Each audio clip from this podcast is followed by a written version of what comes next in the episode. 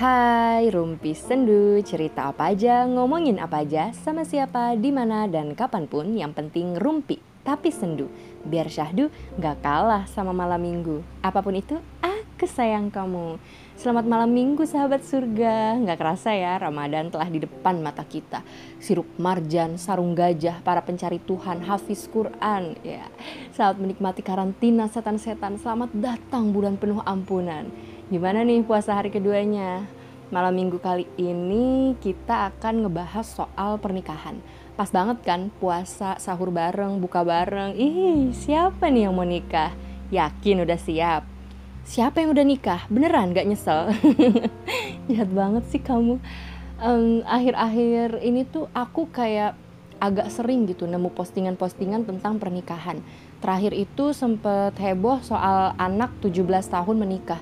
Terus dia bilang alasan dia nikah di umur segitu karena nggak pengen nyusahin orang tuanya. Subhanallah ya, anak zaman sekarang pemikirannya udah ke mana-mana. Orang-orang biasanya mah yang sering didengar gitu ya, nikah alasannya biasanya pengen ibadah. Terus karena cinta atau karena yang ngerasa udah siap nikah aja gitu. Nah ini loh anak 17 tahun nikah demi tidak menyusahkan orang tuanya. Ha. Ha. Jadi si anak ini bikin video gitu kan di TikTok tentang gimana dia ngerasa bahwa nikah adalah penyelesaian dari masalah keuangannya. Dia bisa beli skincare dikasih suaminya, terus bisa menyambung hidup. Tapi dia juga bilang kalau niat dia menikah adalah untuk nggak nyusahin orang tuanya. Jadi di video itu dia bilang, alasan kenapa mau nikah muda, kenapa bisa mikir nikah, karena make up tiap bulan full, hidup terjamin, bisa makan, gak nyusahin ortu lagi, skincare udah diganti sama yang agak aman, pengen AC dibeliin, pengen serba Doraemon diturutin, diganti HP biarpun lebih kecil dari HP dia, dipasangin wifi biar hidup di rumah terus, hidup biar di rumah terus. Dua tahun lagi udah tinggal di rumah sendiri rumah baru 60% jadi tinggal ngumpulin dana buat dapur. Padahal umur masih 17 tahun Alhamdulillah pikiran gak kayak anak-anak mikirnya selalu masa depan ulala terus ada lagi nih say orang-orang pada komen ada yang menghujat dengan bilang Alhamdulillah mikirnya gak kayak bocah mikirnya selalu masa depan. Gue jadi bingung, ini gue kuliah kalau bukan buat masa depan, terus buat apaan? Ya kali buat ngabisin duit doang. Ya barangkali sis. Terus ada lagi yang komen, mental lemah kayak begini nih, pengen cantik, pengen hidup enak tapi nggak mau kerja. Eh, banyak deh komennya. Dan banyak juga yang jadi pada pamer skincare gitu, jadi ngebanding-bandingin, hah yang kayak gitu uh, skincarenya agak lebih aman. Ih masih bagusan skincare gue kayak gitu-gitu deh makanya. Terus uh, Uh, tapi ada juga yang mendukung si Dede ini untuk menikah karena katanya nikah di usia segitu kan gak dosa, nggak masuk penjara juga, ribet banget sih kalian ngurusin hidup orang gitu. Terus ada yang jawab dong ya, siapa suruh dia posting itu ke publik? Eh terus dijawab lagi, zaman sekarang emang ada orang yang gak pamer apa-apa ke publik lagian. Aku yakin kok orang tuanya dia juga pasti bahagia ngelihat anaknya nikah ya gitu deh panjang banget netizen Indo kalau komen kan sampai bikin lelah bacainnya terus selain ini ada juga sekumpulan ABG yang lagi ngomongin skincare gitu. Gimana caranya bisa beli sedangkan uang jajannya sehari cuma 11 ribu kalau nggak salah. Terus uh, pada komen ya minta sama pacar lah enak aja mau punya pacar glowing tapi nggak modal dipikir beli skincare bisa ngutang. Ya. Terus ada juga yang komen cari pacar yang udah kerja aja. Terus dijawab kalau nggak punya pacar gimana? Eh dibilang lagi makanya cari pacar dong Masa mau ngejomblo terus? Cari pacar yang tajir. Kita harus realistis. Pacaran diajak makan bakso doang zaman sekarang mana cukup. Ya Allah. Bakso enak kok tega dibilang gak cukup. Terus terus ada lagi yang bilang kalau cari pacar tuh yang mau ngebo, nge, ngemodalin sampai ribet ngomongnya kalau cari pacar tuh yang mau ngemodalin kan cewek cantik juga buat siapa gitu terus ada lagi nih yang bilang Pokoknya gini ya, kalau masih pacar nggak apa-apa diporotin. Kalau ada yang bilang baru pacar udah minta-minta, aku yakin dia sirik. Hidup cuma sekali, bawa seneng aja ya nggak sih? Nah, permasalahannya, ente kan masih pada sekolah ya. Terus ente pacaran sama teman sekolah ente lah ente pikir itu duit duit dia duit siapa? Udah hidup lu nyusahin orang tua sekarang lu susahin juga orang tuanya pacar lu. Ya Allah bener-bener lu pada kagak ada akhlak. Lu daripada minta-minta mending magang sono jadi babi ngepet. Ya ya. Sobat gua. Bukannya apa-apa nih masalahnya aku kan udah lama banget ya jomblo tapi nggak tahu gitu loh kalau banyak ternyata cowok yang bisa diporotin kayak gini. Kan juga mau saya bu. Nggak deng. Pokoknya tuh pusing gitu. Di satu sisi di sosmed nih rame sama hal-hal yang kayak gini. Tapi di satu sisi ada cewek yang menangis karena salah memilih suami gitu. Kelihatannya aja baik tapi begitu nikah ternyata betapa kejamnya dirimu pada diriku jadi kadang tuh mikir juga gitu sama orang-orang yang pengen nikah karena nggak sanggup ngerjain skripsi terus pengen nikah karena nggak punya uang terus orang-orang yang pengen nikah karena kesepian, karena pengen ada yang perhatiin, karena skincare, karena status, dan ada juga yang pengen nikah karena pengen lepas dari orang tuanya. Padahal kalau pengen lepas dari orang tua, kita kan bisa ngekos ya kan? Lagi pula nikahan itu kan ribet ya, perlu uang. Setelah menikah juga perlu uang. Ketidaksanggupan, ketidaksanggupan itu menimbulkan ketidaksanggupan yang baru gitu loh. Bukan cuma soal ah nanti pasti ada rezekinya. Nikah kan ibadah, tapi lebih dari itu apakah kamu betul-betul siap untuk menikah? ketika sekedar saling mencintai dengan seseorang aja kita selalu sanggup untuk saling menyakiti apalagi untuk membangun keluarga membesarkan anak-anak gitu kan proses kerja proses kerja sama itu kan yang paling harus kita pikirkan dengan siapa kita menikah, bagaimana keluarga pasangan kita, bagaimana kita menerima diri kita yang baru setelah berkeluarga, apakah kita betul-betul saling mengenal, karena permasalahan yang paling sering anak-anak rasakan pada orang tuanya itu adalah mereka merasa orang tua mereka tak mengenal mereka. Mereka merasa jauh dengan orang tuanya sendiri sehingga mencari tempat lain untuk bercerita, untuk mendapatkan kebahagiaan. Kayak Rahel V-nya pernah bilang di salah satu wawancara gitu ya, kalau dia merasa bahwa kelak ketika anaknya besar, apakah anaknya akan bangga memiliki orang tua seperti dia. Aku setuju, karena hubungan keluarga itu kan saling terlibat. Jadi bukan cuma orang tua yang bangga pada anaknya, tapi apakah anak juga merasakan hal yang sama ketika melihat orang tuanya. Dan buat anak-anak juga apakah rasa cinta yang begitu besar itu cuma dimiliki oleh orang tua? Apakah seorang anak benar-benar gak bisa punya rasa cinta yang tulus sepanjang masa seperti seorang ibu gitu kan? Hal-hal kayak gini kan perlu dilatih dan untuk melatih itu semua kita perlu kerjasama dengan si calon keluarga baru kita ini. Perundingan-perundingan saling melibatkan diri diskusi hal-hal yang nggak bisa diselesaikan dengan kalimat ah nikah kan ibadah pasti bakal ada jalannya gitu. Bukan cuma itu kan ketika kamu merasa mampu apakah pasangan kamu mampu apakah pasangan kamu mau diajak kompromi tanyakan pada dirimu dalam-dalam. Yakin siap nikah. Nah Inilah yang akan kita bahas di malam minggu syahdu kali ini. Oke oke, masih mirip dengan obrolan yang kemarin, hubungan yang baik antara teman hidup itu adalah memiliki kepuasan yang terbesar dalam keberadaan bersama. Teman hidup adalah sahabat yang terbaik sekaligus orang terdekat kita. Tapi ternyata antara perempuan dan laki-laki itu ada bedanya. Jadi meskipun perempuan rata-rata menyebut bahwa suami mereka adalah sahabat yang terdekat, mereka tetap butuh sahabat perempuan untuk memuaskan segala kebutuhannya. Sedangkan laki-laki berpendapat bahwa istri, istri mereka memberikan kepuasan dalam dukungan emosional daripada semua hubungan dalam kehidupan mereka, melebihi teman-teman, sahabat, mitra kerja, saudara, orang tua, dan sebagainya. Jadi tuh sebetulnya kalau perempuan bisa merangkul laki-laki menjadi kuping untuk mereka, barangkali pasangan kamu itu nggak akan curhat sama perempuan lain gitu. Aku pernah beberapa kali jadi tempat curhat seorang suami yang cerita tentang istrinya dan dia bilang dia bingung mau cerita sama siapa. Terus ada juga yang bilang bahwa hobinya nggak disukain sama istrinya, jadi dia pergi ke perempuan lain untuk melakukan hobi itu bersama-sama. Kan agak serem ya jadinya kan. Kenapa mereka nggak ke teman laki-laki aja? Aku mencoba untuk memahami sih. Mereka bukan ingin selingkuh tapi karena kayak udah kita bahas sebelumnya, laki-laki merasa bahwa kedekatan emosional mereka itu lebih besar dengan perempuan. Aku sering lihat kok kelihatannya sesama laki-laki gitu ya, kalau ada masalah lebih cenderung menyelesaikan dengan bilang ya udahlah lihat nanti aja, paling juga balik lagi. Terus seringnya sesama teman laki-laki ini menghibur teman yang sedih itu dengan cara main-main, ada yang minum-minum, ngajak tanding futsal dan macem-macem lah. Kalau perempuan tuh kalau ada masalah cenderungnya tuh teman-teman sesama cewek pasti dengerin ceritanya sampai habis, terus dikulik bersama, dicari sebab akibatnya, dicari solusinya bareng-bareng, terus kita yang berpelukan gitu saling menguatkan, lalu karaokean, nonton film bareng, makan-makan, banyak lah gitu. Nggak nggak semua sih pasti ya, cuman aku sih uh, selama ini yang aku lihat cewek dan cowok di sekitarku kayak gitu sih gitu. Jadi kayak aku mikirnya di luar perselingkuhan ini hmm, kayak gitu karena laki-laki merasa kalau pasangannya adalah orang yang paling dekat bagi mereka, sahabat mereka. Jadi ketika mereka tidak mendapatkan itu, mereka lari ke bentuk lain dari pasangan mereka.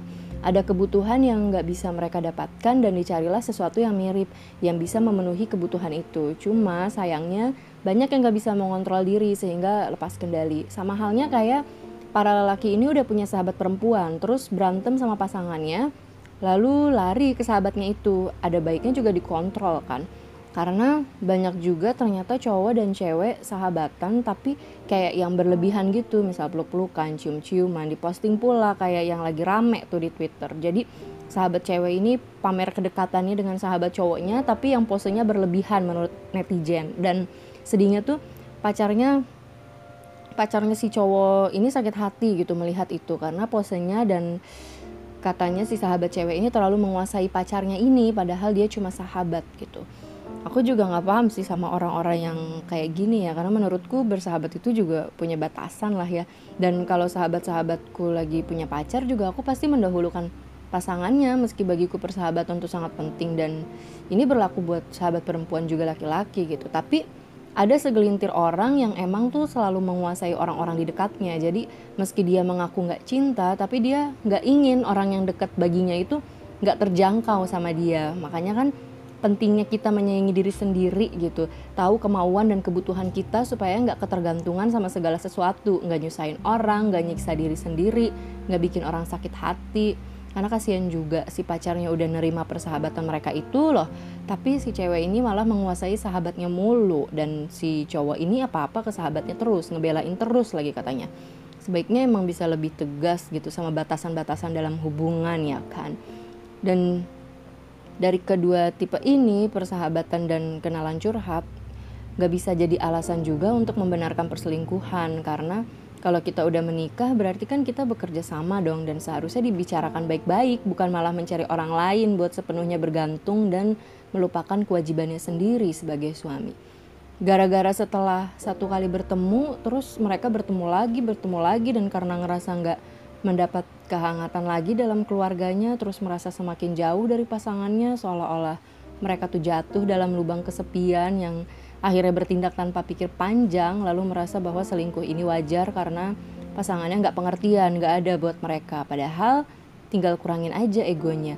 Laki-laki coba untuk berbicara dengan kepala dingin perempuan coba lebih tabah dalam mendengarkan dan masing-masing mengurangi api di dada sendiri biar nggak saling membakar hati. Eh um, kadang kesalahan kita dalam menjalin hubungan itu adalah terlalu seringnya diam sih.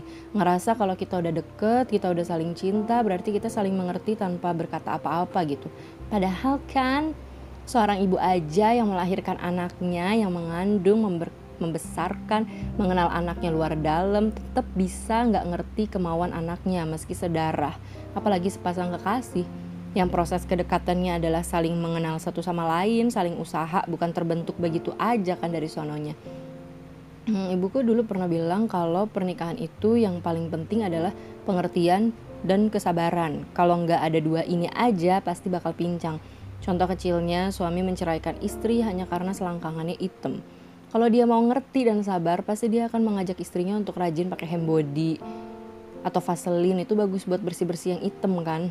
Ada banyak cara untuk memperbaiki itu, say. Terus ada yang selingkuh hanya karena melihat teman kantornya jago masak, sedangkan istrinya nggak bisa masak. Kalau dia mau pengertian dan sabar, pasti dia akan mengajak istrinya untuk yuk kita sama-sama belajar masak. Terus suami yang ya Allah heran banget ya kok nggak kaya-kaya. Dipikir hidup cuma makan cinta. Biar kontrakan susah, biar biaya sehari-hari susah, makan susah, sekolah anak susah, gimana mau ikut reunian sama teman sekolah, mau ke Alfamart aja udah berasa mewah banget gitu kan. Akhirnya gara-gara ini suami jadi nggak semangat kerja, rumah jadi emosi, emosi, emosi, huru hara di mana-mana, urat saraf tegang semua, kasih sayang terbakar oleh perbuatan dan pengeluhan yang tidak-tidak. Astagfirullahalazim gitu gimana ya? Kita sebelum menikah kan emang perlu emang perlu memiliki uh, kesepakatan kan. Jadi nikah ya nggak sekedar nikah aja tapi sekalipun emang mau nikah tanpa perjanjian kayak gitu ya bisa juga. Asalkan kitanya menerima dengan ikhlas gitu segala konsekuensinya kan. Dan gimana caranya biar kita sama-sama membuat cara-cara yang unik biar sama-sama gembira dalam menyikapi kekurangan gitu kan. Masalahnya sulit untuk mencapai itu. Perlu waktu yang lama dan emang benar kita butuh pengertian dan kesabaran. Terus aku juga waktu itu pernah dengar radio lagi ceramah gitu. Ustadznya bilang kalau ketika kita ingin menikah, kita harus betul-betul yakin dan mengetahui siapa pasangan kita. Nah, tapi ketika kita udah memutuskan untuk menikah dengan pasangan kita itu dan ternyata dia berbeza dengan apa yang kita ketahui selama ini, kita tuh nggak boleh marah, nggak boleh kecewa karena menurut sang ustadz kebahagiaan datang ketika kita bertanggung jawab pada segala sesuatu yang kita pilih. Dan ada omongan sang ustadz yang aku catat yang ingin aku bagikan di sini. Kayak gini bunyinya dengerin ya. Jika setelah menikah ternyata yang kita nikahi adalah pasangan yang tidak baik maka terimalah. Karena itu adalah pilihan kita. Tetapi ketika kita belum menikah dan ingin menikah, maka pilihlah dengan baik, bukan yang hanya bagus fisiknya, Kadang manusia merumitkan hal-hal yang tidak rumit, seperti sejak awal sudah merasa tidak yakin, tetapi karena alasan-alasan seperti nggak enak, umur sudah tua, takut diledek teman atau keluarga, akhirnya nggak maksimal dalam memilih dan tergesa-gesa menentukannya. Sehingga yang terjadi adalah kurangnya komunikasi, tidak saling mengenal, tidak sungguh-sungguh mencintai, dan kaget dengan sifat-sifat buruk yang timbul setelah menikah. Jika sudah telanjur begitu, kita harus bersabar dan membangun komunitas dalam keluarga, meluruskan niat, berdoa pada Allah, meminta saran pada keluarga dan teman-teman, mencari motivasi dan tidak buru-buru memilih untuk berpisah. Tetapi jika telanjur harus berpisah, jangan jadikan anak korban. Jadi, kita harus cari tahu bagaimana mendidik anak dengan baik meski tidak memiliki keluarga yang utuh. Kalau niat menikahi karena Allah, maka kita akan mendekati hal-hal yang baik. Tetapi jika menikah dominan karena syahwat, maka kita akan mengesampingkan ilmu. Kekurangan pasangan akan ditutupi dengan cinta. Maka dalam pernikahan, cinta adalah hal yang penting agar kelemahan pasangan tidak membuat kita mengeluh. Justru kelemahannya membuat kita saling bersemangat memperbaiki diri. nah, gitu loh dengerin tuh Ustadz udah berkata lah kalunya lu nyari suami nyari istri ngomongnya buat ibadah tapi pengennya yang bening yang sempurna. Ya elah pernikahan itu nggak ada yang ideal makanya cintai aku karena Allah. Sayangi aku karena Allah. Kayak gitu tuh bukan cuma di mulut aja say. Benar-benar dilakuin dong. Aku tuh hmm, pernah mikir ya aku kan orangnya rapi ya maksudnya tuh kayak kalau penampilan enggak sih. Cuma kayak lemari baju lemari buku meja tata letak di rumah terus kayak urusan handuk itu tuh harus yang pada tempatnya gitu. Geser dikit langsung kesel gitu langsung pengen borong bakso gitu rasanya. Jadi kadang aku mikir kalau nanti ketemu suami yang teledor naro barang-barang ngasal gitu kira-kira aku bakal gimana ya? Pasti stres banget gitu. Stres kecil-kecilan lah tapi kadang mikir juga gitu kalau dapet suami yang rapinya kayak aku emang aku bakal seneng juga. Kok malah ngerasa bakal berantem soal tata letak ya? Jadi kayak apa ya bagaimanapun kesamaannya ketenangannya kebaikannya permasalahan itu bakal terus ada buat manusia. Nggak ada jaminan kan kita buat lepas dari masalah sempurna apa pun pasangan kita emang penerimaan, perundingan, kesabaran dan pengertian satu sama lain yang bisa mempertahankan gitu kan. Dan cinta emang bener sih, cinta emang paling utama gitu. Segala sesuatu tuh kayak udah cuma cinta gitu yang paling bisa menguatkannya. Gimana caranya buat kita selalu menumbuhkan cinta pada segala sesuatunya gitu. Kayak ibu yang bertahan hidup rela berkorban demi anak-anak anak yang mati-matian berusaha biar orang tuanya bangga, sepasang kekasih yang mematahkan ketakutan untuk tetap bersama dan segalanya yang hanya bisa dijelaskan oleh cinta itu sendiri. Anjay. Lanjut aja deh. Jadi menurut Mary Anne Fitzpatrick, seorang ilmuwan bidang perkawinan, ternyata pasangan perkawinan itu dapat dibedakan atas dasar ketidaktergantungan mereka pada tingkat di mana mereka berbagi perasaan terhadap satu sama lain. Ada pasangan-pasangan yang tingkat saling ketergantungannya ini tinggi untuk mendapatkan kenyamanan, pernyataan cinta dan kegembiraan.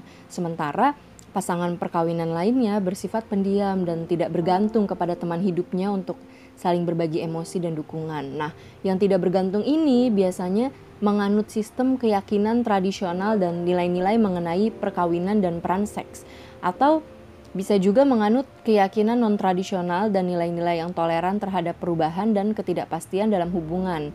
Jadi di antara kedua itu ya dan yang ketiga adalah penghindaran konflik atau yang sekarang disebut dengan komunikasi. Kayaknya aku yang komunikasi deh, soalnya kan apa-apa perlu komunikasi ya. Kalau kalian gimana? Nah, kata Fitz, uh, ada tiga tipe dasar mengenai hubungan pasangan perkawinan yang langgeng. Pertama, dengerin ya baik-baik. Pertama, pasangan perkawinan tradisional. Nilai-nilai mereka lebih mengutamakan kepada stabilitas daripada spontanitas. Jadi kayak yang nama istri menggunakan nama keluarga suaminya. Contohnya kayak waktu itu Titi Rajo Bintang nikah sama Aksan Syuman. Nah, dia ganti tuh namanya jadi Titi Syuman. Begitu cerai, dia ganti lagi namanya jadi Titi Rajo Bintang. Terus eh, yang menganut perkawinan tradisional ini menganggap bahwa ketidaksetiaan itu nggak termaafkan. Contohnya kayak Soimah, dia pernah bilang katanya dia punya syarat dalam pernikahannya kalau sekali suaminya selingkuh mereka akan cerai. Jadi tuh bagi dia perselingkuhan itu nggak ada maaf gitu. Hubungan tradisional ini menunjukkan saling ketergantungan yang kuat ditandai oleh rasa bersama dan perkawanan tingkat tinggi dan mereka lebih suka terlibat konflik daripada menghindari konflik. Hmm keren ya ini jadi tuh emang betul-betul kerjasama banget gitu kedua pasangan perkawinan yang bebas ini sama kayak yang tradisional, sama-sama merasakan adanya ketergantungan dan lebih suka mengatasi perbedaan dengan terlibat konflik. Tapi mereka lebih menganut nilai-nilai non-konvensional. Yakin bahwa uh, hubungan gak harus mengganggu kebebasan teman hidupnya, jadi kita sama-sama bebas mempertahankan atau memelihara ruang-ruang fisik secara terpisah dan ada kalanya malah sulit gitu buat bikin jadwal harian yang teratur gitu. ini kayaknya sering dipakai sama pasangan-pasangan modern ya kayak yang kita punya dunia masing-masing, hobi masing-masing jadi sama-sama membebaskan gitu. Tipe yang ini juga kan sama-sama berbagi ideologi yang mencakup perubahan dan ketidakpastian dalam hubungan. Jadi kayak yang terbuka aja gitu. Terus yang ketiga, pasangan perkawinan yang tersendiri. Pasangan tipe ini kurang terlibat dalam berbagi emosional dan oleh karena itu kurang adanya saling ketergantungan. Mereka bahkan cenderung menghindari konflik, tapi mereka juga menekankan pentingnya kebebasan individual kayak tipe sebelumnya. Cuma sayangnya tipe ini kurang banget soal kebersamaan dan persahabatan dalam perkawinan gitu. Jadi mereka langgeng. Tapi gitu sekalipun ketergantungan satu sama lain pasangan tipe ini lebih menunjukkan adanya ketergantungan itu hanya dari memelihara jadwal harian secara teratur doang gitu kayak keluarga-keluarga yang sarapan bareng makan malam bareng terus punya jadwal antar anak sekolah tapi satu sama lain nggak terlib nggak terlalu terlibat gitu emosinya jalan sendiri-sendiri mungkin agak hambar kali ya dari tiga tipe ini, Fitz menemukan bahwa sepertiga pasangan nggak setuju dengan bentuk perkawinan mereka. Dan ada juga yang setuju gitu. Dan yang nggak setuju ini biasanya pihak istri merasa mereka tipe yang tradisional. Sementara pihak suami sering melihat diri mereka sebagai tipe yang tersendiri. Wah, pola ini disebut terpisah tradisional. Jadi si istri memandang perkawinan sebagai sebuah hubungan saling ketergantungan di mana konflik itu dinyatakan. Tapi sebaliknya, para suami justru memandang hubungan perkawinan tuh sebagai sesuatu yang lebih memiliki jarak emosional dan konflik itu harus dihindari. Hmm, aneh ya. Di satu sisi para suami merasa istri mereka adalah sahabat yang paling dekat, tapi mereka juga merasa bahwa pernikahan itu memiliki jarak emosional. Buat cowok-cowok yang berpikir seperti ini, ayo dong, jangan ada jarak gitu ah. Jangan menghindarin konflik juga. Ayo sama-sama kita jalanin. Jangan terpisah gitu dong sayang. Tapi dari itu semua gak ada pernikahan yang lebih baik dari pernikahan yang lain ya jadi nggak perlulah kita membandingkan hubungan perkawinan kita dengan orang lain pasti ada kekuatan dan kelemahan yang berbeda tiap pasangan dan Aku mau membagikan tips pernikahan yang langgeng dari orang-orang yang sudah menikah lebih dari 50 tahun. Hi, Cikibir. Hasil penelitian telah menemukan tiga karakteristik umum mengenai pasangan perkawinan yang telah berlangsung dan bertahan lebih dari 50 tahun menurut Dixon tahun 1995. Pertama, saling menghormati. Ini umum ya, paling sering kita dengar ya gitu dari orang-orang yang emang langgeng pernikahannya. Jadi memperlakukan terhadap satu sama lain dengan saling menghargai karena perkawinan yang langgeng merupakan produk dari saling menghargai satu sama lain untuk apa dan siapa mereka gitu. Kedua, tingkat kedekatan yang nyaman, menghabiskan waktu yang tepat dengan teman hidup. Tapi bukan sepanjang waktu berduaan terus, nanti malah bosan say. Kita harus memahami satu sama lain secara berkelanjutan. Banyak perkawinan tumbuh secara terpisah dari waktu ke waktu, yaitu uh, berhenti mencari teman masing-masing atau setuju memilih teman dari orang yang berbeda karena emang penting banget sih memilih teman salah curhat sama temen keluarga kita yang berantakan. Harus bijak gitu ya. Jangan sampai nasihat orang yang salah kita telan gitu aja malah jadi runyam kan. Pada tingkatan ini, kedekatan dikembangkan melalui ritual-ritual seperti perayaan ulang tahun, anniversary, perayaan Idul Fitri, Natal, tradisi keluarga, semua yang udah terpola gitu. Misal juga tiap malam punya kebiasaan curhat bareng gitu sebelum tidur atau tiap minggu sekali baca buku atau nonton film bareng terus diskusi gitu berdebat berdebat manja unj. Terus uh, tiap pagi sebelum kerja punya rutinitas gitu misal olahraga bareng masak sarapan bareng bersihin kamar bareng gitu bagi-bagi tugas ya kan. Ih pengennya kayak gini. Jadi seru gitu kan menghidupkan rumah tangga. Nah, katanya hal-hal yang kayak gini bisa mempermudah kita buat merasa tertarik terhadap satu sama lain gitu. Jadi cintanya bisa lebih kuat. Cobain kuy. Ketiga, kehadiran sebuah rencana atau bayangan hidup.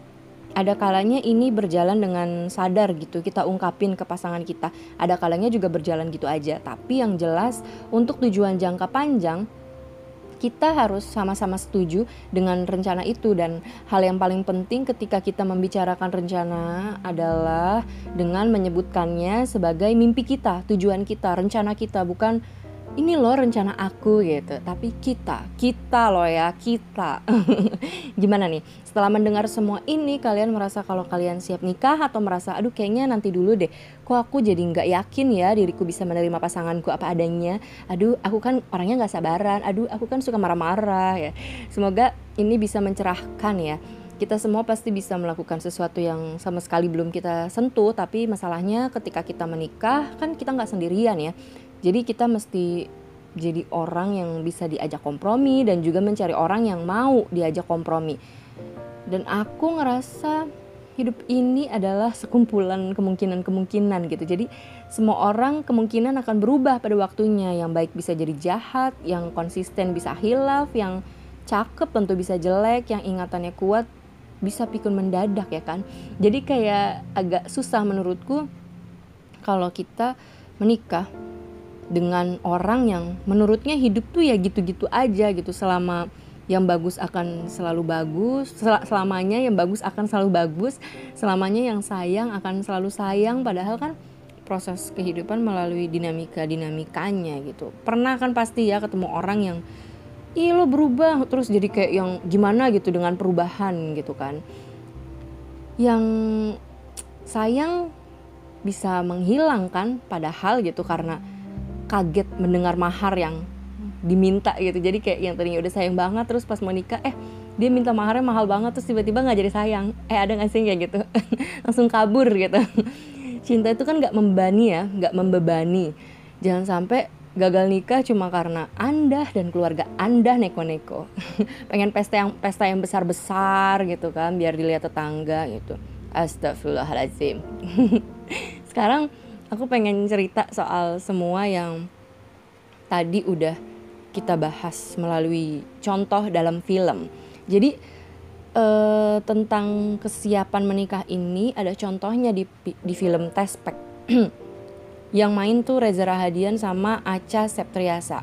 Mulai serak guys. Jadi mereka nih udah lama nikah tapi nggak hamil-hamil. Bahkan saking susahnya hamil, mereka sampai yang berhubungan intim itu sambil baca Kama Sutra. Tapi tetap harmonis gitu. Suaminya tetap nerima apa adanya nggak maksa punya anak enak gitu kan jadinya. Nah sampai akhirnya si istri coba buat tes kesuburan karena mungkin udah stereotipnya perempuan harus punya anak bla bla bla gitu ya. Dan banyak banget perempuan yang jadinya tuh stres hanya karena ini gitu. Aduh nanti mertuanya gimana karena kita nggak punya anak? Aduh gimana nanti suaminya mm, melenceng ke sana kemari karena kita nggak bisa ngasih anak ya kan?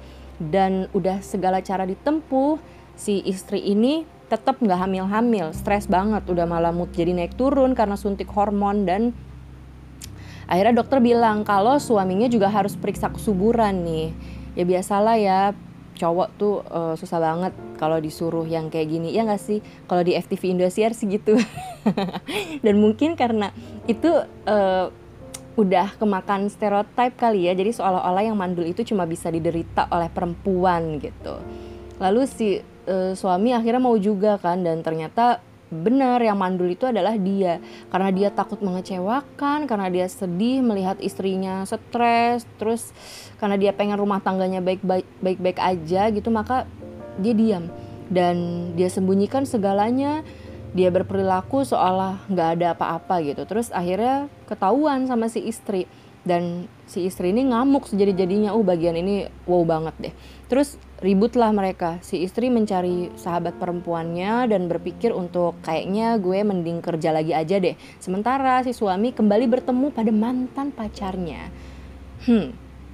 Mantannya ini mandul juga say dan baru aja ribut sama suaminya dan mereka yang ahem-ahem gitu ketemuan ngobrolin masalah rumah tangga sebagai dua pasang mantan yang bernasib sama gitu. Nah, mereka nggak sekali dua kali dong ketemu karena Reza Rahadian sama Acha Septriasa ini makin renggang hubungannya nggak nemuin solusi sama sekali karena ya gitu susah banget buat kita nurunin ego kan di kala emosi gitu jadi susah buat ngomong yang baik-baik dan mendengarkan dengan tenang lalu para mantan ini makin deket kan so sweet so sweet uhui gitu dan sekali lagi ketahuan sama si sang istri guys dan masalah makin runyam. Terus hal yang paling menyentil adalah si suami ini kerjanya sebagai psikolog untuk menyelamatkan perkawinan orang-orang. Jadi emang gak ada jaminan ya kan untuk seseorang selalu bisa menyelamatkan perkawinannya sendiri tanpa kerjasama kedua belah pihak. Dan bagian di kantornya si suami ini